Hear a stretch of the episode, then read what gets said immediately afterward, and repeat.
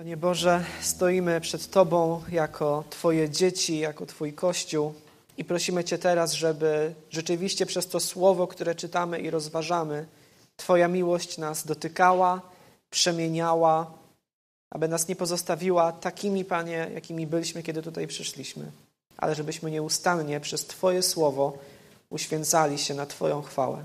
Prosimy Cię o to w imię Jezusa Chrystusa. Amen.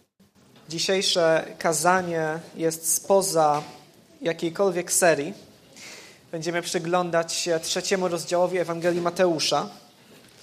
I myślę, że warto ten tekst dzisiaj omówić z trzech powodów. Po pierwsze, to jest fragment Bożego Słowa. Słowo Boże zawsze zasługuje na nasze zrozumienie, na naszą uwagę, na naszą wiarę i posłuszeństwo. I po drugie, jest to rozdział mówiący o chrzcie, o chrzcie, którego udzielał Jan, chrzciciel, i o chrzcie, który przyjął Jezus. I chrzest jest takim tematem, w którym myślę, że możemy czasem się gubić, dlatego że nasza wiara i pobożność, nasza jako baptystów, y, często kształtuje się w otoczeniu rzymskiego katolicyzmu, w którym do chrztu i ogólnie do pozostałych też sześciu sakramentów y, przywiązuje się ogromną wagę. I w związku z tym my raczej w kontraście do tego podkreślamy rolę osobistej wiary, a nie chrztu. Między innymi dlatego, że, że nie chcemy sprawiać wrażenia, że ten chrzest e, ma większe znaczenie niż według Biblii ma. I bardzo dobrze oczywiście, jeżeli podkreślamy wagę osobistej wiary, ale my jako ludzie generalnie mamy skłonność do tego, żeby szybko tracić równowagę, wpadać w drugą skrajność. I często dzieje się tak, że chcąc podkreślić wagę tej osobistej wiary, pomniejszamy znaczenie chrztu w porównaniu do tego, co o nim mówi Biblia. Więc warto o tym chrzcie mówić, o tym, czym on właściwie jest. No i w końcu, e, o czym też już wspominaliśmy na początku, za trzy tygodnie będziemy w naszym kościele udzielać chrztu na wyznanie wiary trzem osobom. Będzie to wielkie święto dla całej naszej wspólnoty, więc myślę, że to jest szczególnie dobry czas, żeby, żeby o tym chrzcie mówić. Więc przeczytamy cały rozdział trzeci dzisiaj Ewangelii Mateusza, ale zacznę od wersetów 1 do 12. Po pewnym czasie wystąpił Jan Chrzciciel. Głosił on na pustyni judzkiej. Opamiętajcie się, gdyż królestwo niebios jest blisko. Właśnie Jana dotyczą słowa proroka Izajasza. Głos wołającego na pustkowiu. Przygotujcie drogę Pana, prostujcie Jego ścieżki. Jan nosił ubranie z wielbłądziej sierści, a opasywał się skórzanym pasem, a żywił szarańczą i miodem dzikich pszczół. Schodzili się do niego mieszkańcy Jerozolimy, całej Judei oraz okolic położonych nad Jordanem. Tych, którzy otwarcie przyznawali się do swoich grzechów, Jan chrzcił w Jordanie. A gdy zobaczył, że wielu faryzeuszów i saduceuszów przychodzi na chrzest, powiedział: Wy, pomioty żmi, czy ktoś wam doradził, aby uchodzić przed nadchodzącym gniewem? Jeśli tak, to wydajcie owoc godny upamiętania. Nie łudźcie się, że wam wystarczy mieć za ojca Abrahama. Mówię wam, z tych kamieni Bóg może wzbudzić Abrahamowi dzieci. Topór dotknął już korzeni. Każde drzewo, które nie rodzi dobrego owocu, zostanie wycięte i rzucone w ogień. Ja, gdy chrzczę, zanurzam was w wodzie ze względu na opamiętanie. Za mną jednak idzie mocniejszy niż ja. Nie jestem godzien nosić mu sandałów. On was będzie chrzcił, zanurzając w Duchu Świętym i ogniu. W ręku trzyma sito. Dokładnie przesieje wszystko, co jest na jego klepisku. Ziarno zbierze do spichrza, plewy natomiast spali w niegasnącym ogniu. Tak więc na pustyni judzkiej w latach 20. albo 30. pierwszego wieku naszej ery pojawia się człowiek o imieniu Jan. Jan jest prorokiem, jest kimś posłanym przez Boga, ale jest też kimś więcej niż prorokiem, bo okazuje się, że jego i jego działalności dotyczyły zapowiedzi Starego Testamentu. O tym, że pojawi się człowiek, który przygotuje naród izraelski na nadejście samego Boga na końcu czasów. I zapowiadał to Izajasz, zapowiadał to Malachiasz. W księdze Malachiasza czytamy opis tego człowieka, który miał się pojawić jako nowego Eliasza, kogoś, kto tak samo jak ten pierwszy Eliasz, powiedzmy, miał być środkiem, którego Bóg użyje, żeby odnowić wiarę Izraelitów w jedynego Stwórcę nieba i ziemi. Z kolei w Ewangelii Łukasza później, kiedy miał się urodzić Jan, to czytamy, że anioł Gabriel zapowiada jego ojcu coś takiego. On, czyli Jan, pójdzie w duchu i z mocą Eliasza, aby zwrócić serca ojców ku dzieciom, a nieposłusznych doprowadzić do rozsądku sprawiedliwych, by w ludzie wzbudzić gotowość na przyjęcie Pana. I nawet strój Jana, okazuje się, wskazywał na tę jego misję, dlatego że to odzienie z sierści, skórzany pas wokół bioder, to były znaki rozpoznawcze właśnie Eliasza. Widzimy to w Starym Testamencie, no i z całą pewnością Jan w swojej działalności właśnie do Eliasza tutaj nawiązuje. Jan jest człowiekiem biednym, ubogim, dlatego je szarańcze i miód, czyli e, pokarmy występujące na terenach no, dość ubogich w jedzenie. Jan wędruje po miejscach pustynnych, po pustkowiach i naucza. I ogłasza, że zbliża się Królestwo Niebios albo Królestwo Boże w innych Ewangeliach, w Ewangelii Marka, Łukasza czy, czy Jana. I to jest bardzo ważny wątek, nie tylko w nauczaniu Jana, ale też później w nauczaniu Jezusa. Dlatego, że Stary Testament mówi w bardzo wielu miejscach, że Bóg z jednej strony jest królem całego świata, całej rzeczywistości, że wszystko jest pod jego kontrolą, że nic się nie dzieje bez jego zezwolenia, że nic nie omyka jego uwadze, nic nie może pokrzyżować jego planów. Bóg jest władcą absolutnym. Ale z drugiej strony w Starym Testamencie widzimy też to, że ciągle nie wszystko dzieje się zgodnie z Bożym prawem. Ludzie nie są Bogu posłuszni. Żyją według swoich własnych pomysłów, swoich własnych wartości, swoich własnych priorytetów. W tym świecie, który należy do Boga, On pozwala, żeby działo się zło.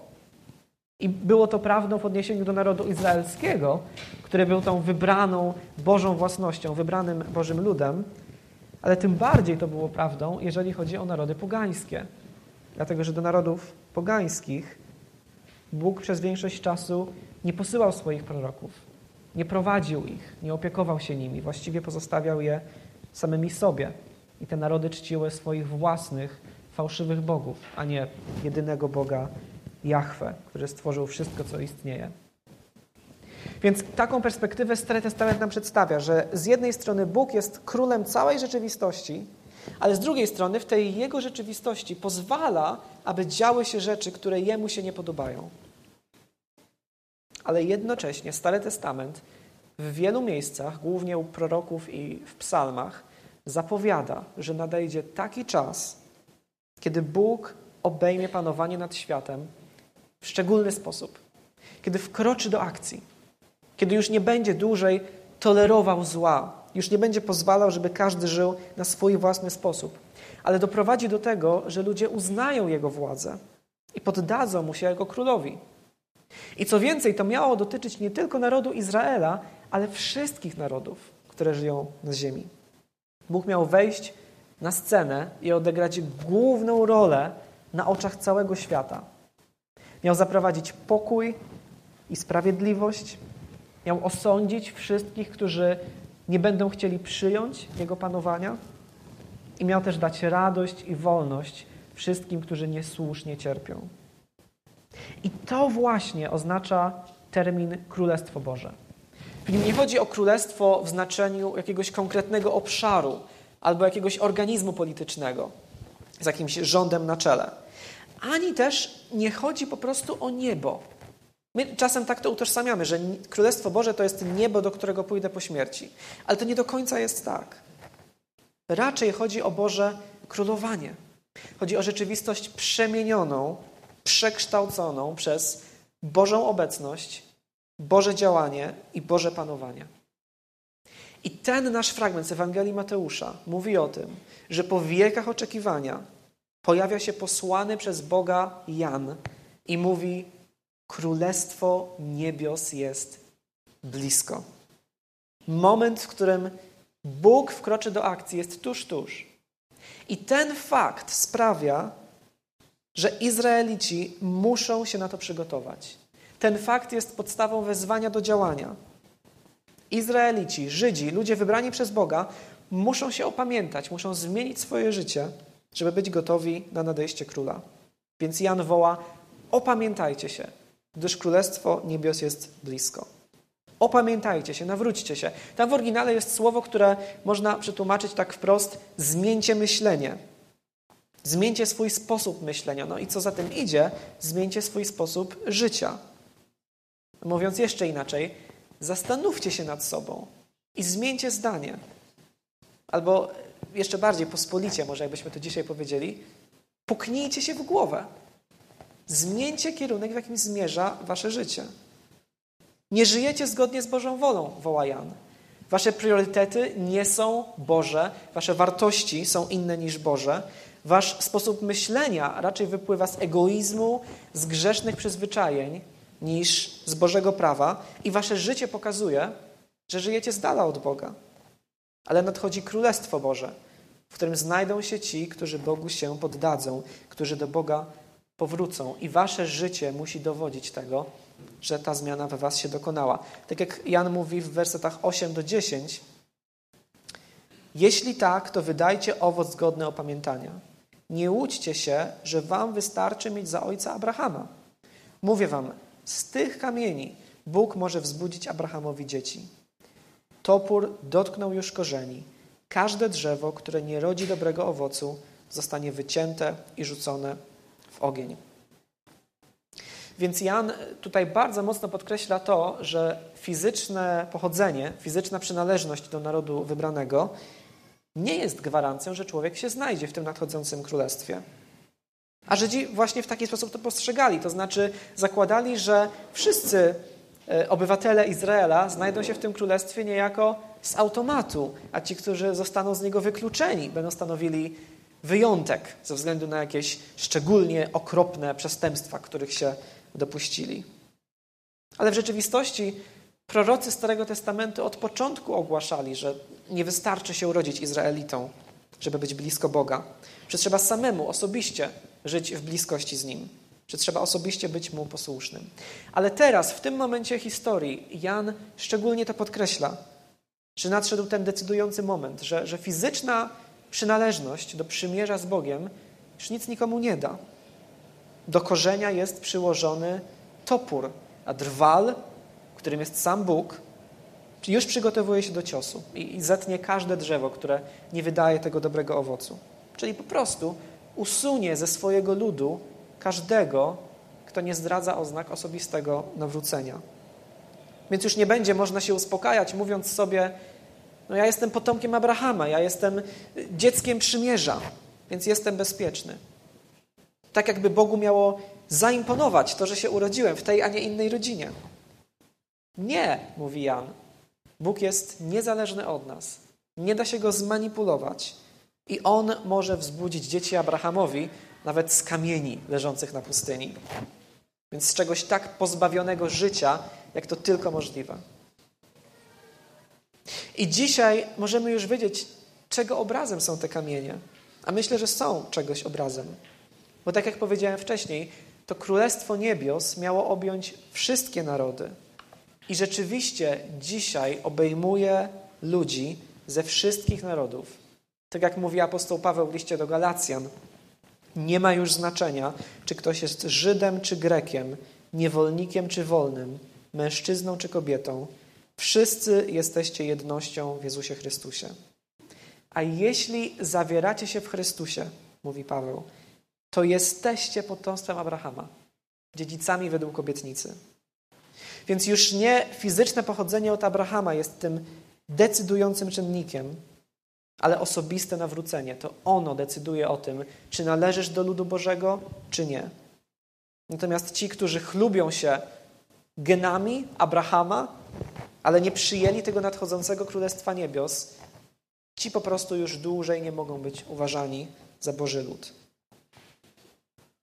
Więc widzimy, że Jan w głoszeniu tego swojego przesłania był bezkompromisowy. Nie bał się nazywać grzechu grzechem, nie bał się wzywać ludzi do opamiętania, nie bał się nazywać przywódców religijnych, którzy byli obłudni, pomiotami żmi, jak mówi w wersecie siódmym. No i w tej stanowczości wytrwał do samego końca, dlatego że później w Ewangeliach czytamy o tym, że naraził się Herodowi przez krytykowanie jego małżeństwa, które zawarł ze swoją bratową, no i przez to koniec końców został wtrącony do więzienia i ścięty. Ale poza wzywaniem ludzi do nawrócenia, poza nauczaniem, Jan robił coś jeszcze, coś bardzo szczególnego. I na tym przede wszystkim się dzisiaj chcemy skupić. Wersety 5 i 6. Schodzili się do niego mieszkańcy Jerozolimy, całej Judei oraz okolic położonych nad Jordanem. Tych, którzy otwarcie przyznawali się do swoich grzechów. Jan chrzcił w Jordanie. Więc to, co głosił Jan, to, co robił, wyciągało na pustynię ogromne masy ludzi, którzy byli poruszeni, może przestraszeni, może po prostu zaciekawieni tym, co się działo. Ale Jan nie poprzestawał na tym, że po prostu mówił ludziom o Bogu i o tym, jak mają żyć. Jan tych ludzi chrzcił. I stąd się wziął ten jego przydomek, Jan Chrzciciel. Czytamy, że udzielał e, chrztu tym, którzy wyznawali swoje grzechy, albo tak bardziej współcześnie mówiąc, tak jak w tym naszym przekładzie e, tłumacz to ujął, e, chrzcił tych, którzy otwarcie przyznawali się do swoich grzechów. Ze względu na opamiętanie, mówi werset 11. To słowo chrzcić w oryginale w języku greckim oznacza zanurzać albo obmywać. I nie możemy być pewni, skąd do końca się wziął taki zwyczaj, że Jan dokonywał takich rytualnych obmyć tych, którzy do niego przychodzili, ale prawdopodobnie, tak uważa wielu historyków, prawdopodobnie ten chrzest się wywodził z tak zwanego chrztu prozelitów. O co chodziło? Kiedy ktoś, kto urodził się jako poganin spoza narodu żydowskiego, chciał zostać Żydem, chciał razem z Żydami oddawać cześć jedynemu Bogu, to musiał zrobić trzy rzeczy – jeżeli był mężczyzną, to musiał zostać obrzezany, to po pierwsze. Po drugie, poddawał się rytualnemu obmyciu, oczyszczeniu. I po trzecie, musiał złożyć ofiarę. Jeżeli chodziło o kobietę, no to pozostawało jej obmycie się i złożenie ofiary. Więc kiedy ktoś wykonał te trzy rzeczy, to z poganina stawał się Żydem, religijnie rzecz ujmując, a dokładnie właśnie prozelitą. I Żydzi generalnie w swojej religii mieli dużo takich obmyć służących rytualnemu oczyszczeniu. Dokonywali ich wielokrotnie w ciągu swojego życia. Niektórzy, szczególnie gorliwi, nawet za każdym razem, kiedy wrócili z rynku. Ale taki chrzest, kiedy poganin chciał stać się częścią Bożego Ludu, miał miejsce tylko raz. Więc co robi Jan? Przychodzą do niego ogromne masy ludzi. Ale okazuje się, że reakcja na jego nauczanie jest indywidualną sprawą każdego z osobna. Więc kiedy ktoś jest dotknięty tym, czego Jan naucza, kiedy człowiek zdaje sobie sprawę z tego, że jest winny w oczach Boga, że daleko mu do posłuszeństwa Bożym przykazaniom, ale z drugiej strony chce się przygotować na to nadchodzące królestwo, chce zmienić kierunek, w jakim zmierza jego życie, to przychodzi do Jana otwarcie przyznaje się do swoich grzechów i jest przez niego chrzczony we wodach rzeki Jordan. I to wszystko ma mieć związek z tym, że Bóg odpuszcza temu człowiekowi winę. Nie dlatego, że przez chrzest można w jakikolwiek sposób zasłużyć na przebaczenie, no to w ogóle nie o to chodzi, ale dlatego, że chrzest jest wyrazem opamiętania, nawrócenia, przemiany myślenia. I zobaczcie, to jest w tym wszystkim najważniejsze. Zobaczcie, komu Jan udziela tego chrztu. Nie poganom, którzy chcą stać się Żydami, ale Żydom, potomkom Abrahama. Tak jakby Jan i Bóg przez Jana chciał powiedzieć członkom narodu Izraela, że bez opamiętania, bez nawrócenia ich status jest taki sam jak nieczystych pogan. To, że jesteście potomkami Abrahama, nic wam nie da jeżeli sami do Boga nie powrócicie. Wy też potrzebujecie oczyszczenia. Wy też musicie się nawrócić. Dlatego, że Królestwo Niebios jest blisko Bóg na nowo gromadzi swój lud i w jego skład wejdą ci, którzy wydadzą owoce godne opamiętania. I to wszystko, ten kierunek, w jakim Bóg prowadził swój lud, mówi nam też dzisiaj coś bardzo, bardzo ważnego. Nie da się odziedziczyć udziału w Królestwie Niebios. Nie da się odziedziczyć bycia chrześcijaninem. Oczywiście dzieci mogą przejąć wiarę od rodziców w tym sensie, że dzięki ich przykładowi, świadectwu, modlitwie uwierzą w Jezusa, ale to się nigdy nie dzieje w sposób automatyczny, dlatego że potrzebna jest przemiana każdego serca z osobna. I dlatego właśnie apostołowie i pierwsi chrześcijanie nie chrzcili niemowląt. I niestety później w historii Kościoła doszło do czegoś bardzo smutnego w kontekście tego chrztu Jana i tego wszystkiego, o czym mówimy. Dlatego, że chrzest Jana miał służyć właśnie temu, aby podkreślić, że Bożej przychylności nie da się odziedziczyć, że przed Bogiem każdy odpowie sam za siebie. A tymczasem niecałe 200 lat po zmartwychwstaniu Jezusa natykamy się na pierwszą wzmiankę w pismach chrześcijańskich o udzielaniu chrztu niemowlętom. I musiało minąć jeszcze sporo czasu, zanim ta praktyka stała się dominująca w kościele, ale koniec końców doszło do tego, że ten znak, który miał służyć oddzielaniu osób nawróconych od tych, które do Boga jeszcze nie powróciły, ten właśnie znak zaczął usypiać ludzkie sumienia. No bo zostałem przecież ochrzczony jako niemowlę. Jestem już chrześcijaninem, no więc nie muszę się nawracać. Ale nie tak było na początku. Tak więc dzieci chrześcijan nie są chrześcijanami z automatu. I to jest ważne zarówno dla rodziców, jak i dla dzieci. Dla rodziców, dlatego że nie można oczekiwać, że dzieci chrześcijan podążą za Jezusem tak samo chętnie jak rodzice. No z całą pewnością dzieci, które wzrastają w chrześcijańskich domach, mogą się cieszyć szczególnym błogosławieństwem. Ale to nie oznacza, że rodzą się i wychowują jako tacy uczniowie Jezusa w wersji mini. Staną się uczniami Jezusa, kiedy Bóg dotknie ich serc przez swoją łaskę i kiedy same podejmą decyzję. Natomiast z drugiej strony to jest też ważne dla dzieci. Dlatego, że to, że od małego chodziłeś na szkółkę, jeździłeś na obozy, słuchałeś o Jezusie, nie dostałeś prezentów na pierwszą komunię, tak jak cała reszta Twoich kolegów. To jeszcze nie oznacza, że należysz do Kościoła. Otrzymałeś szczególną szansę, dlatego że słyszysz Ewangelię od wczesnego dzieciństwa w wielu przypadkach. Ale to, czy będziesz chrześcijaninem, uczniem Jezusa, to zależy od tego, czy w Twoim własnym życiu dojdzie do osobistej przemiany. Czy sam poddasz swoje życie Bogu. Wtedy dopiero będziesz naprawdę Jego uczniem i będziesz mógł to wyrazić przez chrzest na wyznanie wiary. Wracając do Jana, na końcu tego fragmentu mówi więc o przyjściu Królestwa Niebios, a dokładnie mówi o przyjściu Króla. 11-12 werset. Ja, gdy chrzczę, zanurzam was w wodzie ze względu na opamiętanie. Za mną jednak idzie mocniejszy niż ja – nie jestem godzien nosić mu sandałów. On was będzie chrzcił, zanurzając w duchu świętym i ogniu. W ręku trzyma sito. Dokładnie przesieje wszystko, co jest na jego klepisku. Ziarno zbierze do spichrza, plewy natomiast spali w niegasnącym ogniu. Więc to ten nadchodzący król jest tym, który przeprowadzi sąd, który oddzieli tych, którzy się opamiętali, od tych, którym nie zależy na posłuszeństwie Bogu. Ten nadchodzący król, czytamy, przewyższa Jana godnością do tego stopnia, że Jan nie byłby nawet godny nosić mu sandałów.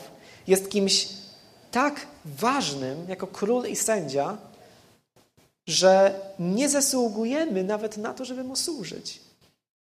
Podczas gdy Jan chrzci w wodzie ze względu na opamiętanie, ten nadchodzący król będzie chrzcił w Duchu Świętym i w ogniu. I o tym chrzcie w duchu i w ogniu można by dzisiaj dużo mówić. Nie będziemy się mu szczegółowo przyglądać, między innymi dlatego, że sam Jan też tutaj niezbyt dokładnie tłumaczy, na czym ten chrzest miałby polegać. Ale na pewno ten chrzest właśnie nie w wodzie, ale w Duchu Świętym i w ogniu, miał dokonywać wewnętrznej przemiany człowieka. Miał oczyszczać nie tylko na zewnątrz, ale i w środku, wypalać wszystko to, co w człowieku nie jest Boże. Ale przede wszystkim wiemy, że tym nadchodzącym królem, tym sędzią, tym, który miał chrzcić w duchu i w ogniu, jest Jezus. To On jest królem tego nadchodzącego Królestwa Niebios. To na Jego przyjście Jan miał przygotować ludzi. I to właśnie On wkracza na scenę w wersecie 13. Więc przejdziemy teraz do kolejnego fragmentu, wersety 13 do 17. W tym czasie z Galilei nad Jordan przybył do Jana Jezus. Chciał być przez niego ochrzczony. Jan jednak próbował go powstrzymać. To raczej ja powinienem być ochrzczony przez ciebie, przekonywał. A ty przychodzisz do mnie? Lecz Jezus mu odpowiedział: Teraz ustąp. Uczyńmy zadość wszelkiej sprawiedliwości. I Jan ustąpił. A gdy Jezus został ochrzczony i wychodził z wody, otworzyło się nad nim niebo. Wtedy zobaczył, jak Duch Boży, niczym gołębica, zstępuje i na nim spoczywa. Rozległ się też głos z nieba: Oto mój ukochany syn, źródło mojej radości. Więc Jan widzi, jak przychodzi do niego Jezus, ale Jezus nie przychodzi po to, żeby dokonać sądu, żeby oddzielić ziarna od plew, żeby chrzcić w duchu i w ogniu. Przynajmniej jeszcze nie teraz. Jezus przychodzi po to, żeby przyjąć chrzest z rąk Jana, żeby samemu przyjąć znak oczyszczenia. I dla Jana to jest wielkie zaskoczenie. Jan, mimo że był posłany przez Boga, mimo że sam był zapowiedziany przez proroków Starego Testamentu, sam nie rozumie tego, co jest celem tego króla. To, że miałby jemu udzielić chrztu, tak bardzo nie mieści mu się w głowie, że próbuje powstrzymać Jezusa. I mówi: Ja powinienem być przez ciebie ochrzczony w duchu i w ogniu, możemy się domyślić. Mam chrzcić ciebie? I zaskoczenie Jana wynika nie tylko z tego, że Jezus chce przyjąć chrzest od niego, ale z tego, że w ogóle chce przyjąć chrzest. Dlatego, że Jan wiedział to, o czym zapewnia nas i Stary, i Nowy Testament. Jezus był bezgrzeszny. Jezus był całkowicie niewinny. Nigdy, ani przez chwilę, nie był nieposłuszny Bogu Ojcu. Był podobny do nas we wszystkim z wyjątkiem grzechu. Prorok Izajasz pisał o nim setki lat wcześniej, że nie uczynił nikomu nic złego, ani jego ust nie splamił nigdy fałsz. Jezus nie potrzebował opamiętania, bo nie miał się z czego opamiętać. Nie popełnił żadnych grzechów, które mógłby wyznawać. Nie potrzebował oczyszczenia, bo sam był doskonale czysty. Ale mimo to, mówi Janowi, teraz ustąp, uczyńmy zadość wszelkiej sprawiedliwości. I myślę, że te dość tajemnicze słowa teraz ustąp możemy rozumieć w taki mniej więcej sposób. Teraz udziel mi chrztu. Tak, jestem królem, jestem sędzią, zetnę bezowocne drzewa, oddzielę ziarno od plew, będę chrzcił w duchu i w ogniu. Przyjdzie na to czas, ale zanim to się stanie, muszę przyjąć chrzest. Więc ustąp teraz. I Jezus uzasadnia to, uczyńmy zadość wszelkiej sprawiedliwości. Więc Jezus mówi, uczyńmy wszystko to, co powinno się czynić, co jest słuszne. Sam nie potrzebuję chrztu, jestem czysty, ale przyjmują go wszyscy, którzy chcą rozpocząć życie z Bogiem na nowo. To, co tu się dzieje, jest dobre, mówi Jezus, jest słuszne, jest sprawiedliwe. I jako król, na przyjście którego to wszystko jest przygotowane, potwierdzam, że każdy, kto przyjął chrzest, wypełnił Bożą wolę. I żeby nie pozostawić do, co do tego żadnych wątpliwości i żeby uczynić zadość wszelkiej sprawiedliwości, chcę przyjąć chrzest z Twoich rąk, mimo że sam tego nie potrzebuję. I to kieruje naszą uwagę w stronę czegoś jeszcze. Czegoś, co myślę, że jest tutaj w tym wszystkim najważniejsze. Jezus był jedyną osobą, która tego chrztu nie potrzebowała, nie potrzebowała nawrócenia, ale mimo to staje w szeregu, jak pospolity grzesznik, jak jeden z nas. Utożsamia się z tymi, którzy pragnęli oczyszczenia. Staje w naszym miejscu. Innymi słowy, sądzę, że przyjęcie chrztu przez Jezusa było kolejnym krokiem na drodze uniżenia się i utożsamienia się z nami, z grzesznymi ludźmi. Pierwszym krokiem było wcielenie, kiedy Jezus, chociaż istniał od zawsze, stąpił z nieba, przyjął ciało z Marii za sprawą Ducha Świętego i stał się człowiekiem. I kiedy wszedł na tę drogę uniżenia, ona go doprowadziła do chrztu, ale nie tylko do chrztu, który przyjął tak, jakby był grzesznikiem, ale jeszcze dalej, na krzyż. Na krzyżu Jezus zostaje ukarany w nasze miejsce, zamiast nas. Otrzymuje to, na co sam nie zasługiwał. On, jako jedyny niewinny, wziął na siebie grzechy wszystkich winnych, którzy zapragną oczyszczenia. I zszedł tak głęboko, jak to tylko możliwe, między umarłych.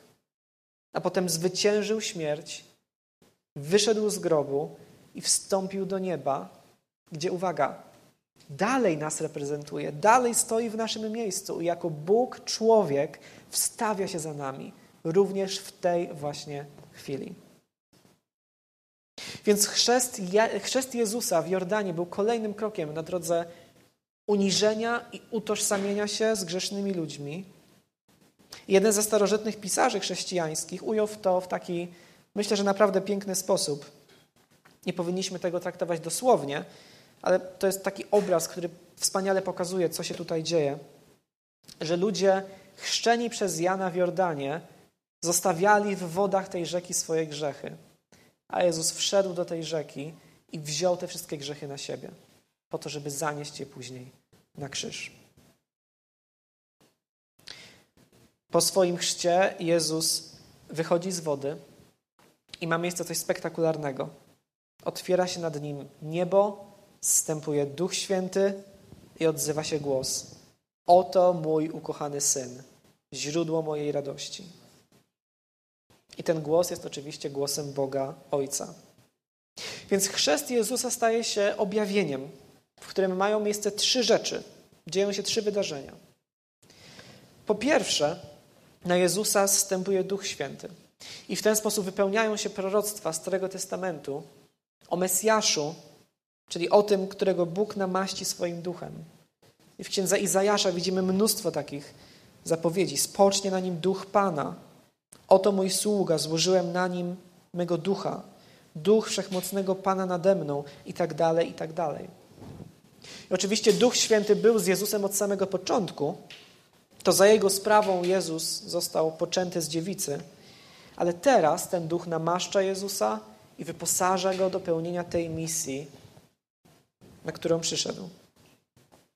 Jezus wychodzi z wód rzeki Jordan, duch zstępuje na niego jako gołębica, tak samo jak ten duch na samym początku Biblii unosi się nad wodami, e, nad otchłanią wód na początku świata i później jak gołębica wysłana przez Noego lata nad wodami potopu.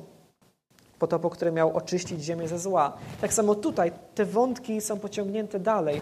Duch zstępuje jak gołębica nad wodami rzeki Jordan, sygnalizując coś zupełnie nowego, nowe stworzenie, które dokona się właśnie dzięki Jezusowi.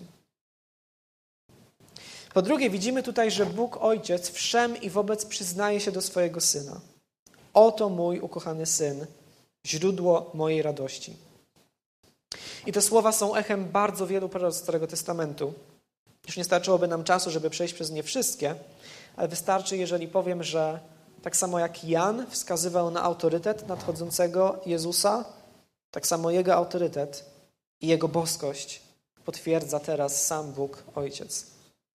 No i w końcu, biorąc to wszystko w jedną całość, widzimy tutaj całą Trójcę Świętą. Trójjedynego Boga. Jezus, Syn Boży w ludzkiej postaci, jest chrzczony przez Jana, Duch Święty zstępuje na Niego z nieba i głos Boga Ojca odzywa się nad tym wszystkim.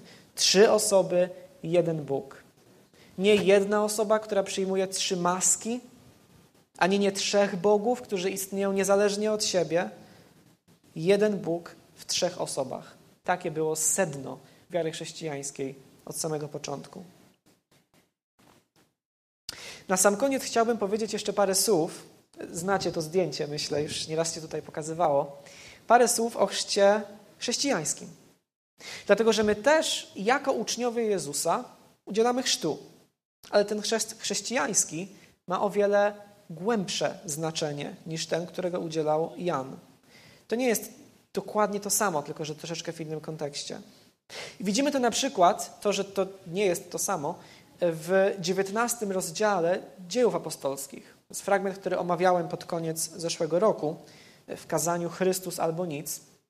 Tam widzimy, że Paweł spotyka się w okolicach Efezu z kilkunastoma ludźmi, którzy przyjęli wiarę w jedynego Boga, są jakimiś uczniami, jak mówi Łukasz, ale zostali ochrzczeni tylko chrztem Jana i nie wiedzieli za dużo o Jezusie. Nie wiedzieli, że to właśnie Jezusa Jan zapowiadał. Więc Paweł głosi im Ewangelię i udziela im chrztu w imię Jezusa, mimo że byli już ochrzczeni chrztem Jana. Więc chrzest, którego kazał udzielać Jezus i który my dzisiaj praktykujemy, jest czymś jeszcze więcej.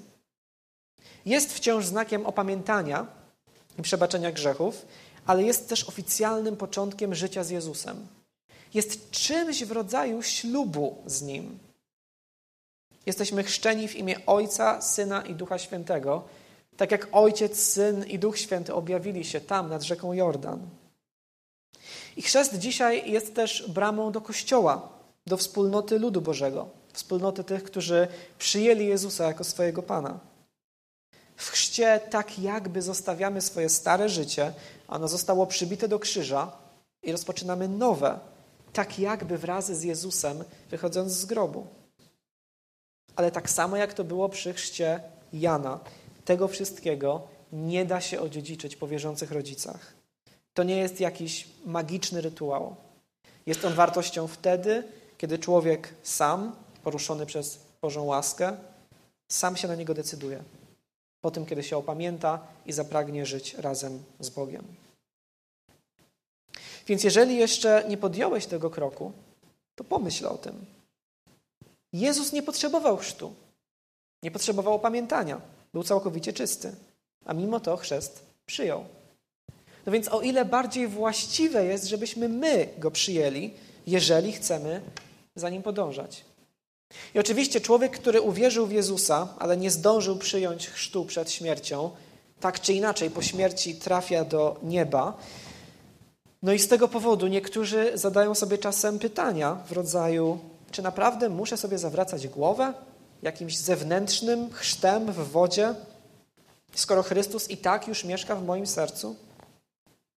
Ale myślę, że ktoś, kto zadaje pytania w rodzaju, czy naprawdę muszę, niewłaściwie podchodzi do tego, na czym w ogóle polega życie chrześcijanina. Oczywiście, że nas usprawiedliwia sama wiara, ale człowiek, który dogłębnie zdał sobie sprawę z Bożej łaski, nie będzie przypominał takiego naburmuszonego podatnika, który pyta, ile jeszcze musi zapłacić, żeby w końcu dano mu święty spokój. Człowiek zbawiony przez Bożą łaskę będzie chciał wyrażać na zewnątrz swoją radość i swoją wdzięczność Bogu. Więc jeśli Jezus wzywa mnie do dobrych uczynków, to one nie przyczyniają się do tego, że jestem zbawiony, ale chcę je spełniać, bo chcę być jak On. Jeżeli Jezus wzywa mnie do przyjęcia chrztu, to chcę go przyjąć. Przecież On sam dał mi w tym przykład. Człowiek, który uparcie odmawia przyjęcia chrztu, nie straci przez to zbawienia, rzecz jasna, ale jego niechęć może w pewnych przypadkach skłaniać do zastanowienia, czy aby na pewno w ogóle uznał Jezusa za swojego Pana. Bo ten Jezus przecież powiedział: Do każdego, kto się do mnie przyzna wobec ludzi, i ja się przyznam wobec mojego Ojca, który jest w niebie. Każdy chrześcijanin w Nowym Testamencie był ochrzczony. Nie znamy żadnych wyjątków. Ale jeżeli przyjąłeś chrzest w wieku świadomym, na wyznaniu swojej wiary, to właśnie dlatego, że ten chrzest wskazuje na Bożą przemianę, na przemianę Twojego serca, której Bóg dokonał przez ofiarę Chrystusa, to przypominaj sobie o tym często. Dziękuj za to Bogu. Ciesz się, bo naprawdę masz powód do radości.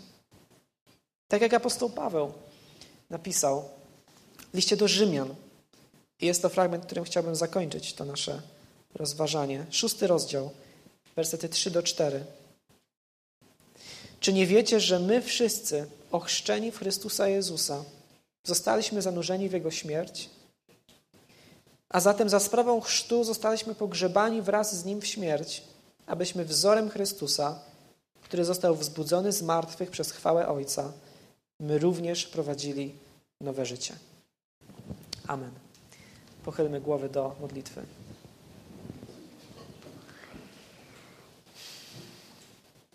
Panie Boże, dziękujemy Ci za Jana Chrzciciela. Dziękujemy Ci za to, że go posłałeś, że go wyposażałeś, prowadziłeś, e, za tę odwagę i bezkompromisowość, jakie mu dałeś. Dziękujemy Ci, Panie, za to, że on przyszedł po to, aby przygotować drogę komuś jeszcze lepszemu Twojemu synowi, Jezusowi Chrystusowi. Dziękujemy Ci, Panie, za to, że chociaż on mógł nie chcieć mieć nic wspólnego z takimi brudnymi, śmierdzącymi grzesznikami, jakimi wszyscy jesteśmy, to jednak, Panie, On z łaski i z miłości do nas zszedł na ziemię i stanął w miejscu pospolitego grzesznika. Utożsamił się z nami, poszedł na krzyż, poniósł naszą karę, powstał z grobu dla naszego zbawienia. Panie Boże, nie daj nam nigdy o tym zapomnieć. Nie pozwól nam, abyśmy kiedykolwiek traktowali naszą wiarę jako coś oczywistego, coś, co po prostu przejmujemy od innych ludzi, coś, co przejmujemy od grupy, do której należymy, ale abyśmy, Panie, zawsze pamiętali, że chrześcijaństwo to jest osobiste zaufanie Tobie, które posłałeś swojego Syna, aby za nas umarł. I Panie Boże, dziękuję Ci też za te trzy osoby, którym będziemy udzielać chrztu za trzy tygodnie. Jestem, Panie, głęboko wdzięczny za każdą z nich, za dzieło łaski, którego dokonałeś w ich życiu. I Panie Boże, proszę Cię, abyśmy w kolejnych miesiącach i w kolejnych latach mogli oglądać coraz więcej przykładów Twojego działania. Abyś nas, Panie, wyposażał w odwagę do głoszenia Ewangelii, abyś błogosławił nasze działania, abyśmy widzieli, jak Twoje słowo przemienia i zbawia kolejnych ludzi. I abyśmy mogli świętować te przemiany przez udzielanie im chrztu. Prosimy Cię o to, Panie, w imię Jezusa Chrystusa. Amen.